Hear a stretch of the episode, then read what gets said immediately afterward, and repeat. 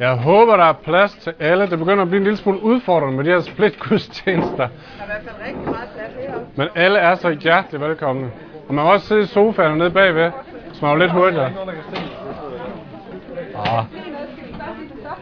Nej, det behøver de ikke engang. De skal bare høre stemmen, tror jeg. Guds stemme på det.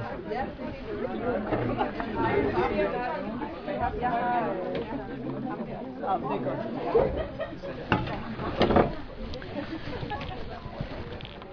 Det er jo lidt en anden setting, det her kom herover, men øh, det er stadigvæk Guds tjeneste, hvis nogen skulle være i tvivl.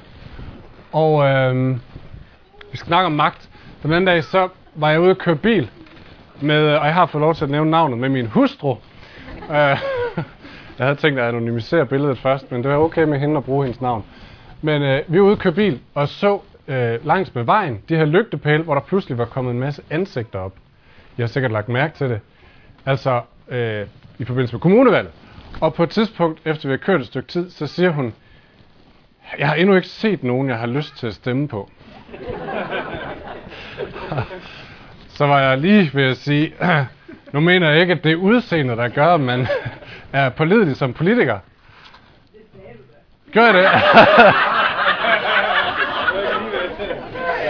men, øh, men efterfølgende har jeg faktisk tænkt på, om jeg burde have sagt det, fordi øh, folk kan sige så meget i en valgkamp, og kan sige så meget som politikere, og så forfærdeligt ud at sige ting, man synes lyder fornuftigt, og så når de kommer til magten, så viser sig, det, det sig, at de overhovedet ikke var den her magt værdigt. Det gjorde alt muligt andet.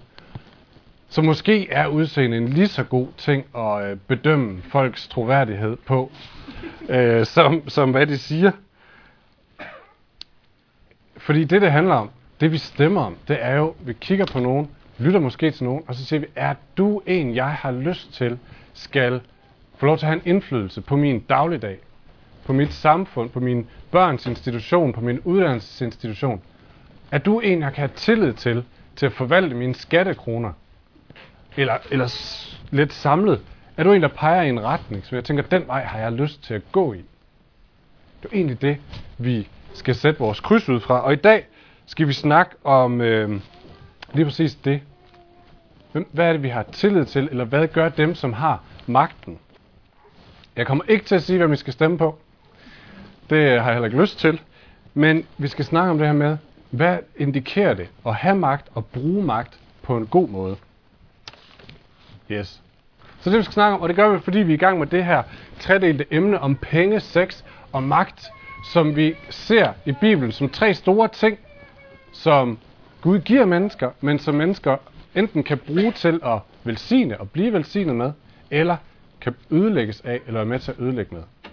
Og derfor vil vi gerne se på det. Og i dag skal vi begynde i skabelsesberetningen igen. Og øh, der står sådan her, Gud siger i skabelsesberetningen sådan her om mennesket. Lad os skabe mennesker i vort billede, så de ligner os. De skal herske over havets fisk, himlens fugle og alle de vilde dyr og alle krybdyr, der kryber på jorden. Så vi er altså der, hvor mennesket er ikke skabt endnu. Men allerede inden mennesket bliver skabt, står der, at Gud har noget at sige om vores formål, eller vores helt særlige opgave i skaberværket. Nemlig at herske over skaberværket. Nu er øh, herske ikke et særligt godt ord på dansk. Det eneste, vi kan tænke, det er Frank Underwood fra House of Cards, eller Kevin Spacey i sit virkelige liv. Og det er ikke særlig godt. Eller en eller anden anden ond despot. Og det er ikke særlig godt. Men måske kunne man oversætte det med lede, eller bestemme, eller sætte retning. Så Gud siger, de skal lede skaberværket. De skal sætte en retning i skaberværket. Og det er lidt bedre. Og ydermere, ydermere, så står det her med, den her opgave, den står i forbindelse med, eller i en relation til noget andet. Nemlig det, at vi er skabt i Guds billede. Nogle engelske oversættelser har en anden oversættelse, jeg er simpelthen ikke stiv nok i mit hebraisk til at kunne sige, om den er rigtig. Men mange engelsk, engelske bibler oversætter det her vers på den her måde. Lad os skabe mennesker i vort billede, så de ligner os, så at de kan herske. Der er altså en fuldstændig sammenhæng mellem, at vi er skabt i Guds billede, og så det, at vi hersker. Eller det, at vi leder. Det ligger simpelthen i det at være skabt i Guds billede, at lede skaberværket. Og hvad vil det så sige at være skabt i Guds billede? Det kunne vi have en meget lang diskussion om, det der er skrevet mange bøger om. Men et billede, som jeg har øh, hørt, og som jeg virkelig godt kan lide, er en engelsk teolog, som beskriver det som et vinklet spejl. At vi er et vinklet spejl. Jeg ved godt med et spejl, hvis I er i tvivl, så kig derover, der hænger et. Når man kigger ind i det, så ser man sig selv. Men I kan måske også huske de her hjørnekikker, der vi havde, da vi var små, mange af os. Hvor man øh, lige kunne stikke den ud over. Og så var der et vinklet spejl, som gjorde, at jeg kiggede på noget andet, når jeg så i spejlet. Og ham her, teologen, han siger, det at vi mennesker er skabt i Guds billede, det er som om vi er et vinklet spejl. Så når Gud velsigner os, så flyder det over på skaberværket. Og når skaberværket kigger på os, så ser de et glimt af, hvem skaberen er. Giver det mening? Så et vinklet spejl. Så når det er sagt om det her med at lede og bestemme og have magt, så betyder det, at øh, vi er skabt til at varetage magt på den måde, som et vinklet spejl, der kaster et glimt af, hvem Gud er, hvem skaberen er bag alt det her. Hvor har vi så magt? Hvor leder vi? Hvor, hvor gør det her sig gældende? En anden har defineret magt på, på den her måde sagt, vi, der er egentlig magt involveret, eller en form for ledelse involveret, alle de steder, hvor vi har en indflydelse. Det kan være, at vi er i en position, hvor vi har en indflydelse, men det kan simpelthen også bare være, at vi influerer på andre mennesker. Vi er med til at influere på, hvad for et valg folk tager, deres prioriteringer, hvordan de tænker om det ene eller det andet. Vi har en indflydelse på det valg, de tager. Der er en grad af magt, der er en grad af ledelse ind, øh, inddraget, indblandet i det. Og det skal vi altså gøre på en måde, så vi som et vinklet spejl, der peger hen på skaberen. Vi skal komme tilbage til at snakke lidt mere om, hvor altså lige det sker i vores hverdag, i vores dagligdag. Øh, men før det, så skal vi se på noget, som måske også, synes jeg, har præget, eller det tror jeg, der flere, der vil være enige i, præget vores billede af det her med magt, og det her med at have magt, og det her med at bruge magt. Tilbage i øh, 60'erne, 70'erne, jeg var ikke født der, det var der ikke så mange af os, der var, men der var det her et stort tema. Der var en hel generation, som gjorde oprør mod magten, mod folk, der havde magt. Øhm,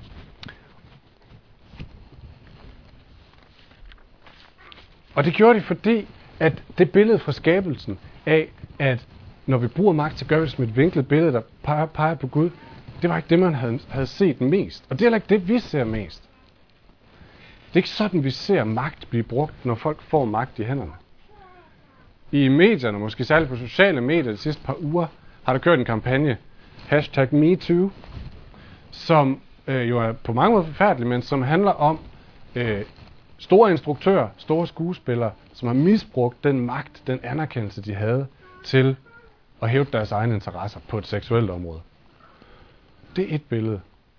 For halvanden uge siden var der en københavns borgmester, der måtte gå af, fordi hun blev beskyldt for at have brugt sin position, sin magt, for egen vindings skyld. Måske et lille billede. Og vi kan komme på mange flere meget større billeder af folk, som har fået magt betroet, indflydelse betroet, kunne bestemme, kunne sætte, sætte retning, men som har brugt det udelukkende på at bygge deres eget navn op. På at gøre livet fedt for sig selv. Når man kiggede i deres spejl, så at sige, så det eneste man så, det var et stort, fedt billede af dem selv. Og sådan ser det desværre rigtig tit ud, når magt bliver brugt negativt, og ikke som det her vinklede spejl. Og det var der som sagt en hel generation, der gør, gjorde oprør imod. De startede med at gøre oprør, oprør mod en øh, stivnet universitetsledelse, som øh, sad, var en flok gamle mænd, der sad og bestemt på en måde, som de her studerende ikke synes var interessant. Så det gjorde de oprør med, og der begyndte de, men så fortsatte det ud i alle strukturer eller organisationer, som havde nogen som helst form for magtstruktur eller magtdeling involveret. Så det var opgør med boformer, det var opgør med militær, det var opgør med samlivsformer, det var opgør med familiestruktur, det var opgør med alle strukturer. Og i stedet for så opfandt man noget nyt, man opfandt rundkredsen. Så sat, så sat man simpelthen alle sammen i rundkreds. Her er der ikke nogen, som har mere magt end andre. Her er der ikke nogen, som kan rejse sig og sige, vi skal den her vej. Her, altså, og man opfandt kollektivet. hvor man havde fælles ejerskab. Så der var ikke nogen, der havde mere ejerskab eller mere bestemmeret over nogle ting end andre. Ikke engang sin hustru eller sin tandbørste eller hvad jeg. Fordi der var ikke nogen, der skulle bestemme eller have retnings, øh, lov til at sætte retning eller have mere magt end andre. Det er også længe siden. Men jeg tror, mange af os mærker, sådan et glemt af det stadigvæk, den her sådan, frygten for den, frygten for den misbrugte magt blev til et øh, forsagelse af magt. Så som, som slet ikke havde det. Så slet ikke bruge det. Og øh, jeg tror, den sidder en lille smule i os, mange af os. Så øh, når der er sagt, er der nogen, der vil lede den her cellegruppe eller noget? Nej tak, ja, men jeg vil gerne være tovholder. Kan man, kan man bare nøjes med at være tovholder? Fordi hvem er jeg, at jeg skulle sætte en retning? Og hvis der kommer en, som har lidt for meget retning, eller lidt for meget en dagsorden, om vi skal den her vej, at det her det kunne være fedt, så bliver vi sådan en lille smule kritiske. Så, åh, slap nu lige af. Hvem er du? At du på den måde peger retninger. Så der er en reminiscens, eller en, en, en, en rest af den her frygten for, at magt kan misbruges, gør, at vi vil hellere holde os på afstand af det. Og så er spørgsmålet, set i lyset af det her med skabelsen og magten brugt som et vinkelspejl, er det det rigtige svar? Den rigtige reaktion, frygten for den forkert brugte magt, skal den få os til at lade være med at røre ved det overhovedet? Det vil jo være, det vil være en lille smule ligesom at sige, at øh, fordi vi ser så mange misbruge sex på alle mulige måder, så må vi helt lade være med at have sex. En meget kortsigtet løsning, som får nogle meget fatale konsekvenser på ret kort, ret kort bane. Jeg tror ikke, det er løsningen. Så der må være en vej, hvor magt givet fra Gud er noget, vi kan bruge på en god måde i den her verden. Og det skal vi lige prøve at se lidt på nu her. Jeg har delt det her i øh, vores lederforum øh, for i sidste uge, altså hvor vi samler lederne fra, fra kirken, nemlig leder forskellige ting, så nogle af jer har hørt det her før, været med i snakken før. Så lad os bare lige tage en anden runde på det.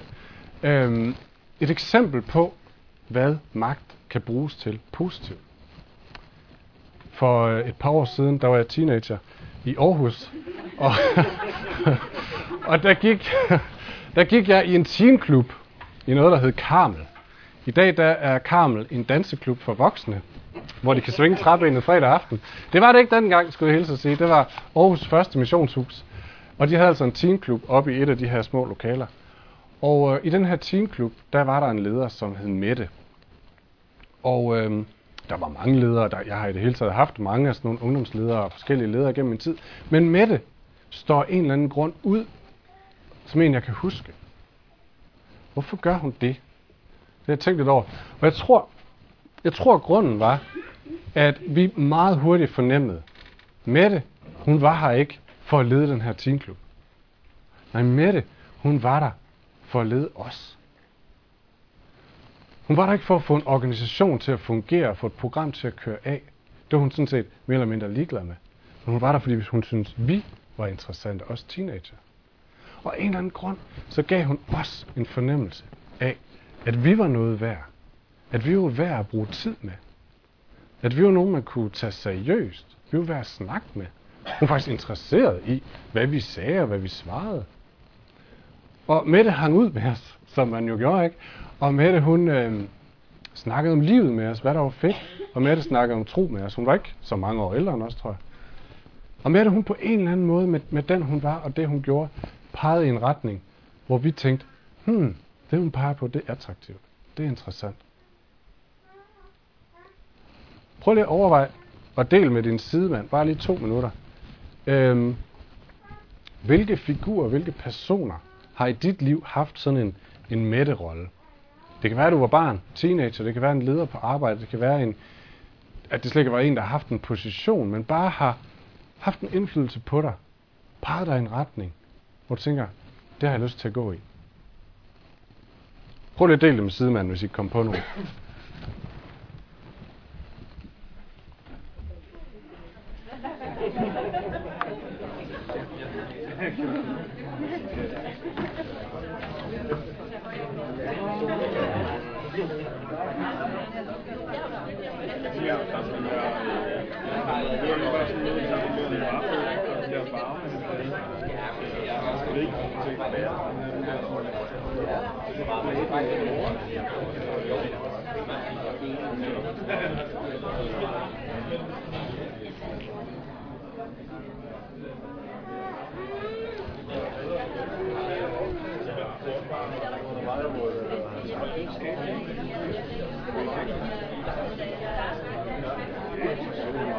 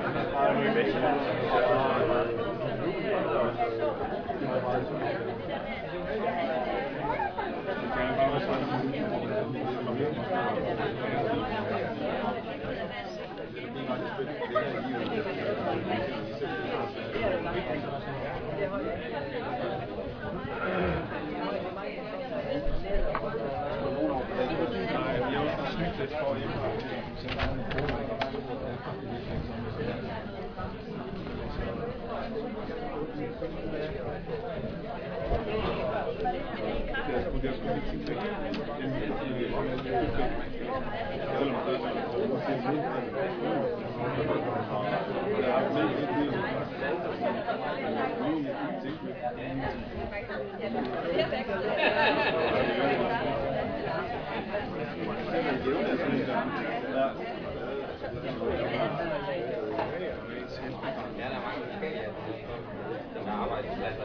Meget forskellige måder at gøre det på. Vil vi arbejde og håbe på, at de nok gør noget af det, bagefter kommer eller det bliver bagefter.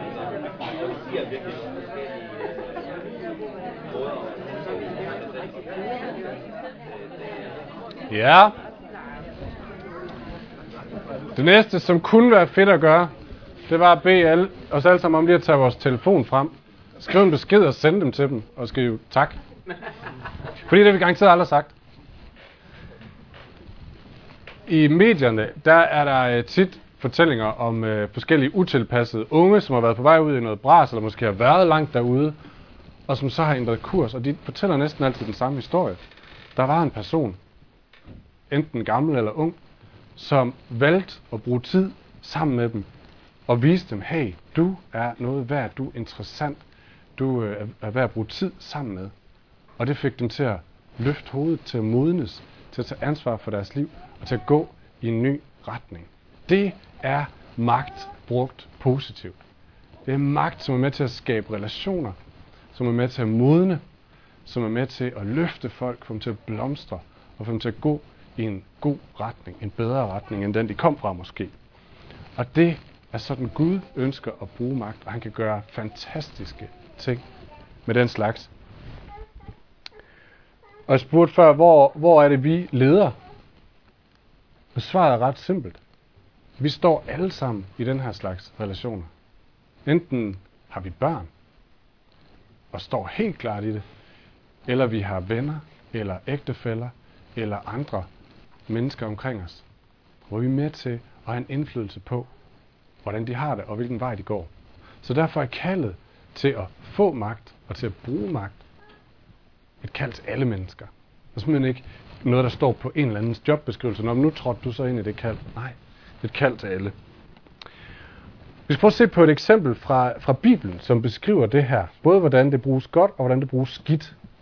Og det er beretningen om Moses, som mange af jer sikkert kender fra det gamle testamente. Moses, den her øh, figur, eller den her person, som vokser op øh, ved det egyptiske hof. På det tidspunkt er Ægypten det helt, helt, helt store superimperie. Og øh, de har en masse lande under sig. Blandt andet har de taget alle israelitterne som slaver, et helt slavefolk, til at gøre alt deres kommunalarbejde og byggearbejde.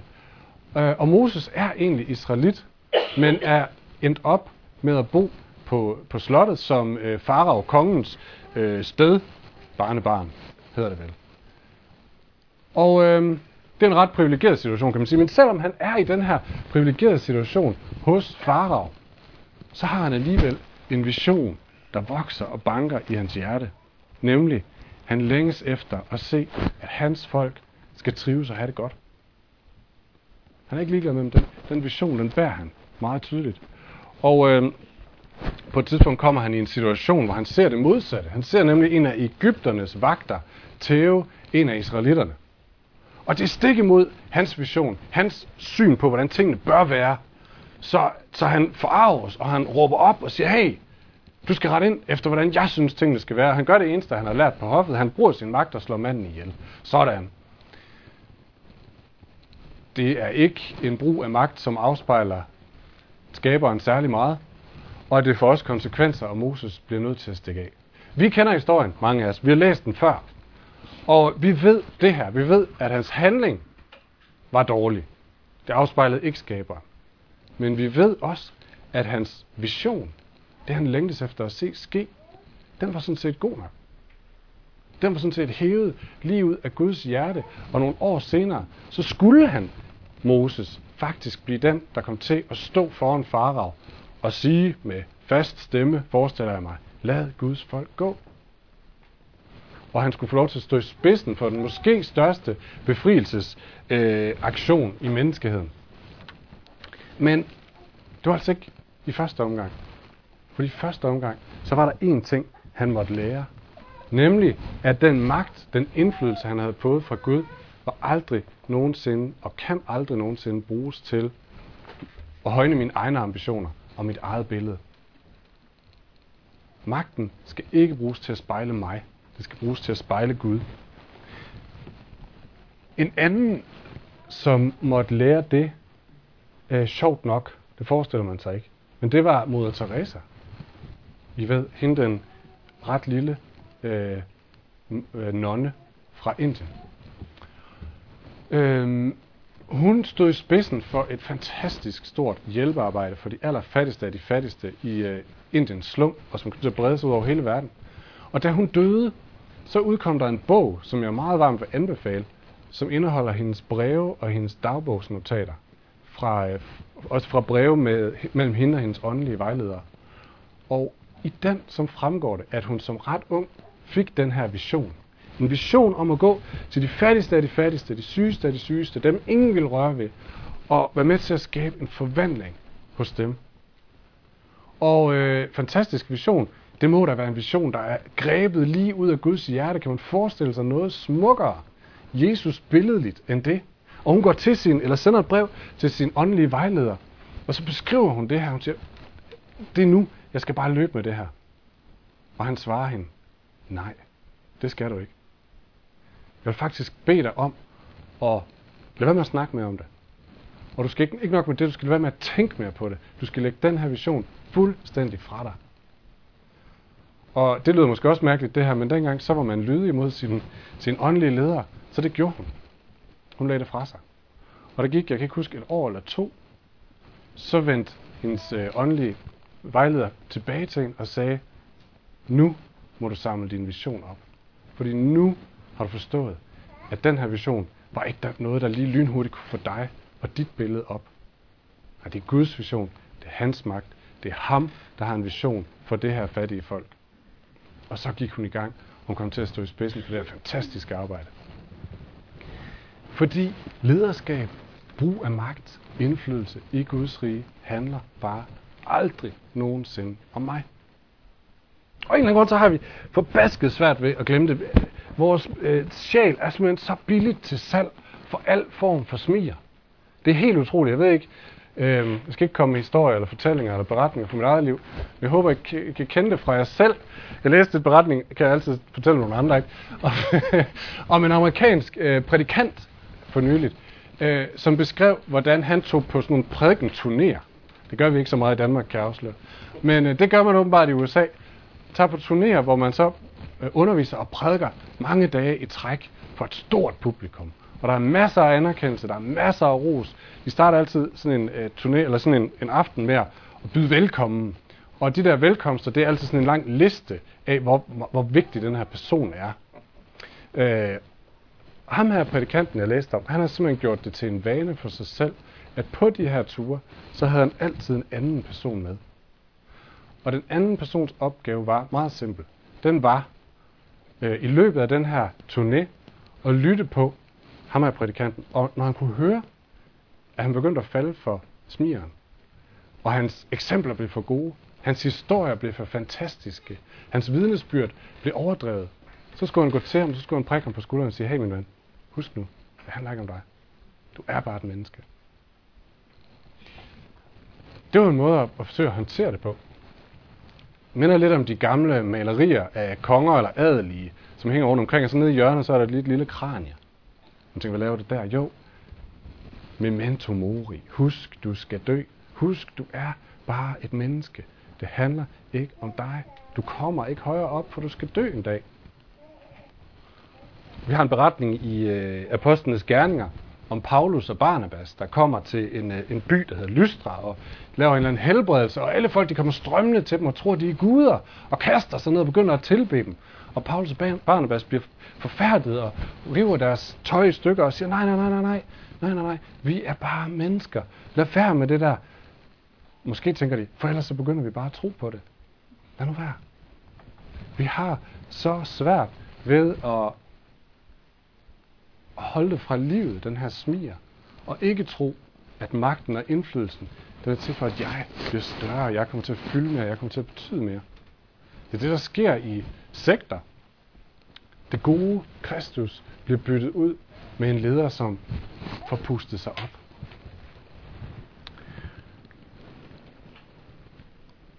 Men frygten for, at det sker, må ikke få os til ikke at tage magten, gribe magten og bruge magten. Fordi Gud har lagt magten i vores hånd. Gud har noget, han vil udrette igennem mennesker. Og det er historien om Moses. Fordi Moses han blev så sendt i eksil i 40 år, før han så yderligere skulle 40 år i eksil i ørkenen. Han blev sendt i eksil i ødemarken, hvor han skulle passe sin kommende svigerfars for. Det er noget af en form for eksil, ikke? Men det var opdragelsesrejsen. Øh, og hvis I lægger mærke til det, så kommer stort set alle ledere i Bibelen på en eller anden form for opdragelsesrejse. Fordi Gud havde en vision i Moses hjerte. Gud havde ting, han ville udrette gennem ham. Gud havde givet ham magt og indflydelse, og Gud havde nogle ting, han ville lade ske. Moses skulle bare lige kravle ned af tronen, og Gud skulle få plads på den. Og da Gud så kommer tilbage, efter at Moses har passet for i 40 år, og prikker ham på skulderen siger, Moses, der var den her vision om folket. Så svarer Moses, Ak, herre Gud, hvem er jeg, at jeg skulle gå til farao? kan se, at han er kravlet ned af tronen. Og Gud svarer ham, og det er det som mine ord. Gud svarer ham, du er fuldstændig ret, Moses. Hvem i alverden er du, at du skal gå til farao? Du har fattet det. Du er ikke skabt i dit billede. Det handler ikke om dig. Men jeg har et folk. Jeg har en vision. Jeg vil helbrede. Jeg vil genoprette. Jeg vil skabe håb. Jeg vil skabe forvandling. Jeg har gode planer. Og hvis, Moses, hvis du vil rejse dig og gå, så vil jeg være med dig, og så vil jeg lade mine planer ske gennem dig. Kan I se forskellen? Så vil jeg, siger Gud, lade mine planer ske gennem dig. Og øh,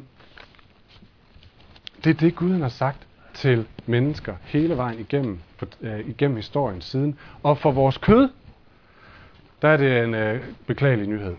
Men for vores ånd, der er det en befrielse. Vi ser det for eksempel, da Gud han kalder Esajas, en stor profet i det gamle testament, som skal få lov til at få en kæmpe stor indflydelse på en hel masse mennesker i Israel i en, øh, en rigtig svær tid i landet. Og da Gud kalder Esajas, så siger Esajas sådan her, ved mig, det er ude med mig, for jeg er en mand med urene læber. Og Gud siger, igen mine ord, ja, Esajas, det har du fuldstændig ret i. Og så står der videre, men en af seraferne fløj hen til mig, i hånden havde han et stykke glående kul, som han havde taget fra alderet med en tang. Han berørte min mund og sagde, Nu har dette rørt dine læber. Din skyld er fjernet, og din synd er sonet. Nu gå hen og tal til dette folk.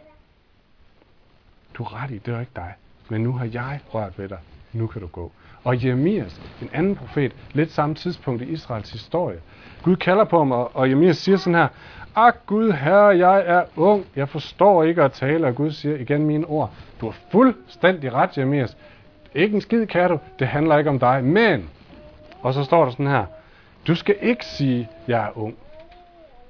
Lad os være med dit ynk. Du skal ikke sige, jeg er ung, men, øh, jeg er ung, men overalt, hvor jeg sender dig, skal du gå. Og alt, hvad jeg befaler dig, skal du tale. Du skal ikke frygte dem, for jeg er med dig.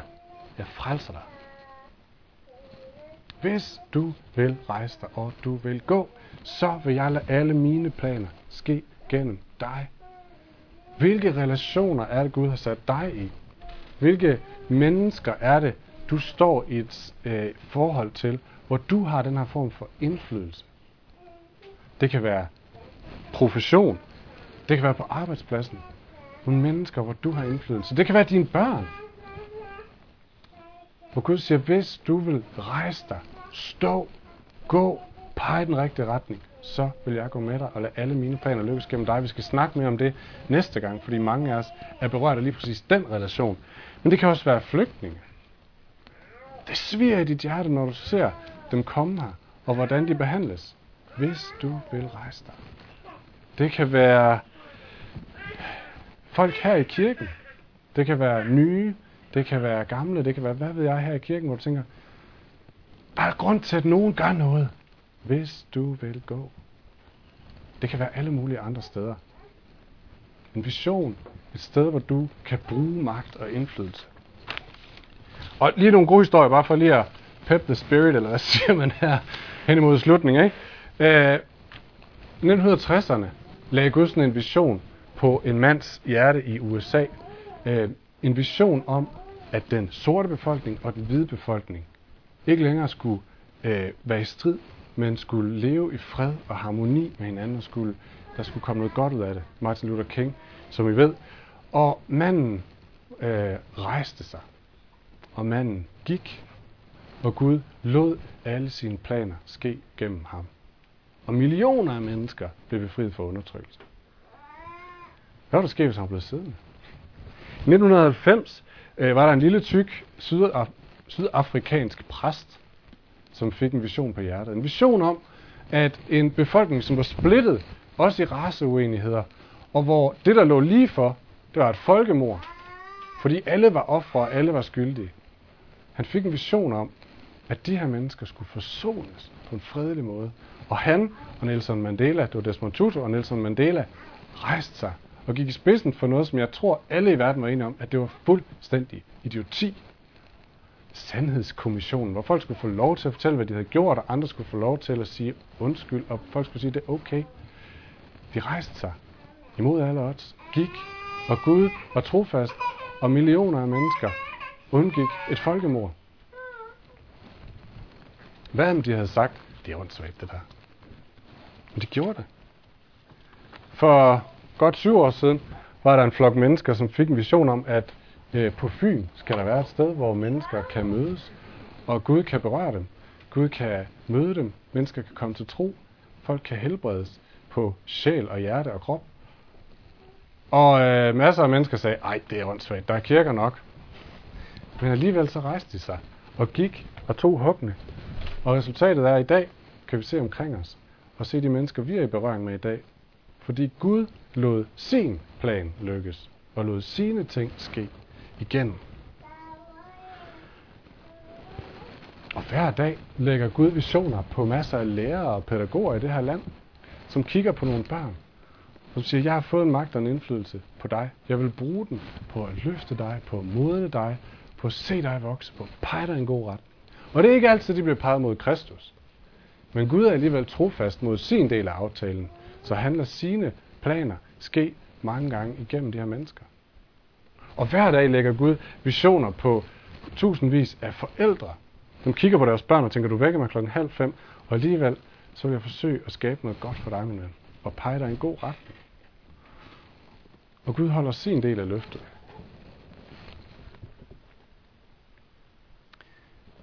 Hvad var der sket, hvis de alle sammen, vi alle sammen, bare var blevet siddende? Lad børnene sejle deres egen sø, og sagt, jeg, er ikke, jeg skal ikke øh, bestemme noget, jeg ved ikke noget mere end dig, du kan da bare. Alt det her skete kun, fordi nogen sagde, okay, jeg rejser mig, jeg går, og jeg satser på, at Gud lader sin plan ske igennem mig.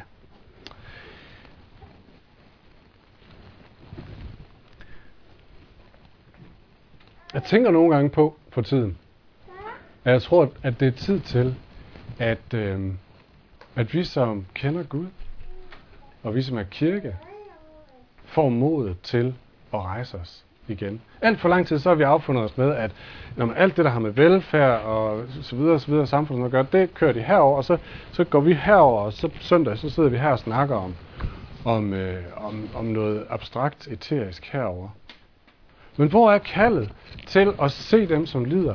Se dem, som har brug for hjælp? Se dem, som er nye? Se dem, som er fremmede? Se de steder, hvor Guds hjerte bløder, og hvor vi rejser os. Vi, vi er måske snart nogle af de eneste tilbage i det her land, som, som tror på noget virkelig godt, og som har en virkelig god grund til, at mennesker skal trives. Jeg tror, det er tid til, at vi, vi kigger på, hvor er det, vi skal rejse os. Hvor er det, vi skal rejse os. Jeg ved ikke, om det er som, som menighed, eller om det er som enkeltpersoner, eller hvordan og hvorledes. Men hvor er det Gud, siger, der er noget, mit hjerte banker for. Rejs dig, min ven. Og hvis, hvis du vil rejse dig og gå, så vil jeg med alle mine planer lykkes gennem dig. Det er Guds løfte. Lad os, lad os rejse os op her til sidst og, øh, og bede sammen.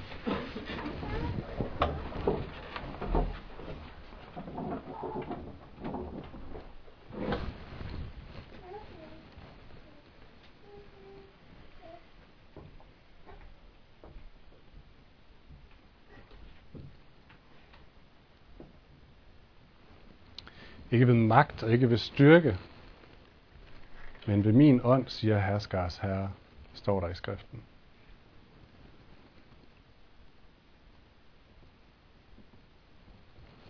Vi er ikke kaldet til at få noget til at ske i vores egen kraft, men Gud er den, som vil give kraft, magt og indflydelse til det, han længes efter at se ske.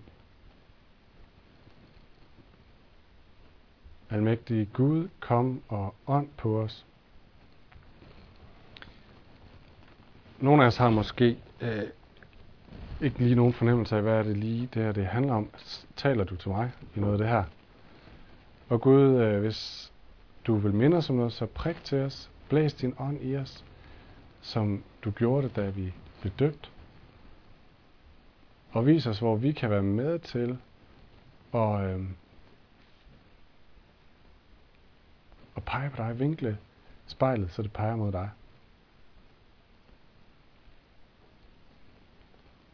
Og Gud, nogle af os har måske en klar fornemmelse, eller står allerede i nogle klare ting, hvor vi ser, her er det virkelig et, et spil imellem, om det er mig, der kommer til, eller om det er dig, der kommer til.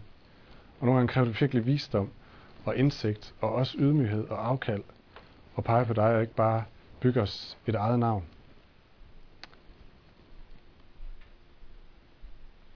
Gud, lær os, at det du bygger, er langt større, end det vi kan bygge. Lær os, at det, som du kalder os ind i, er skønnere, er smukkere, har en langt større rækkevidde og er evigt. Lær os at elske der, hvor vi kan få lov til at gøre godt for mennesker og ikke for os selv. Lad os at elske mennesker mere end os selv.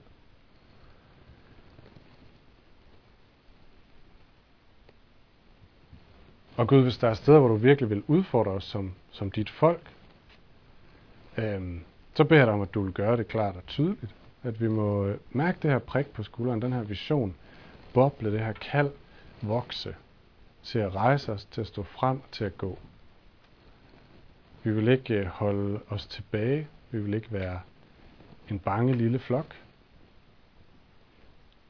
Vi vil gerne være lydige mod dig, Herre. Men dit er riget, og dit er magten, din er æren, din er kraften. Og der forventer vi på dig, Herre. Ånd på os med dit nærvær om din magt. Det beder vi om i dit stærke navn. Amen.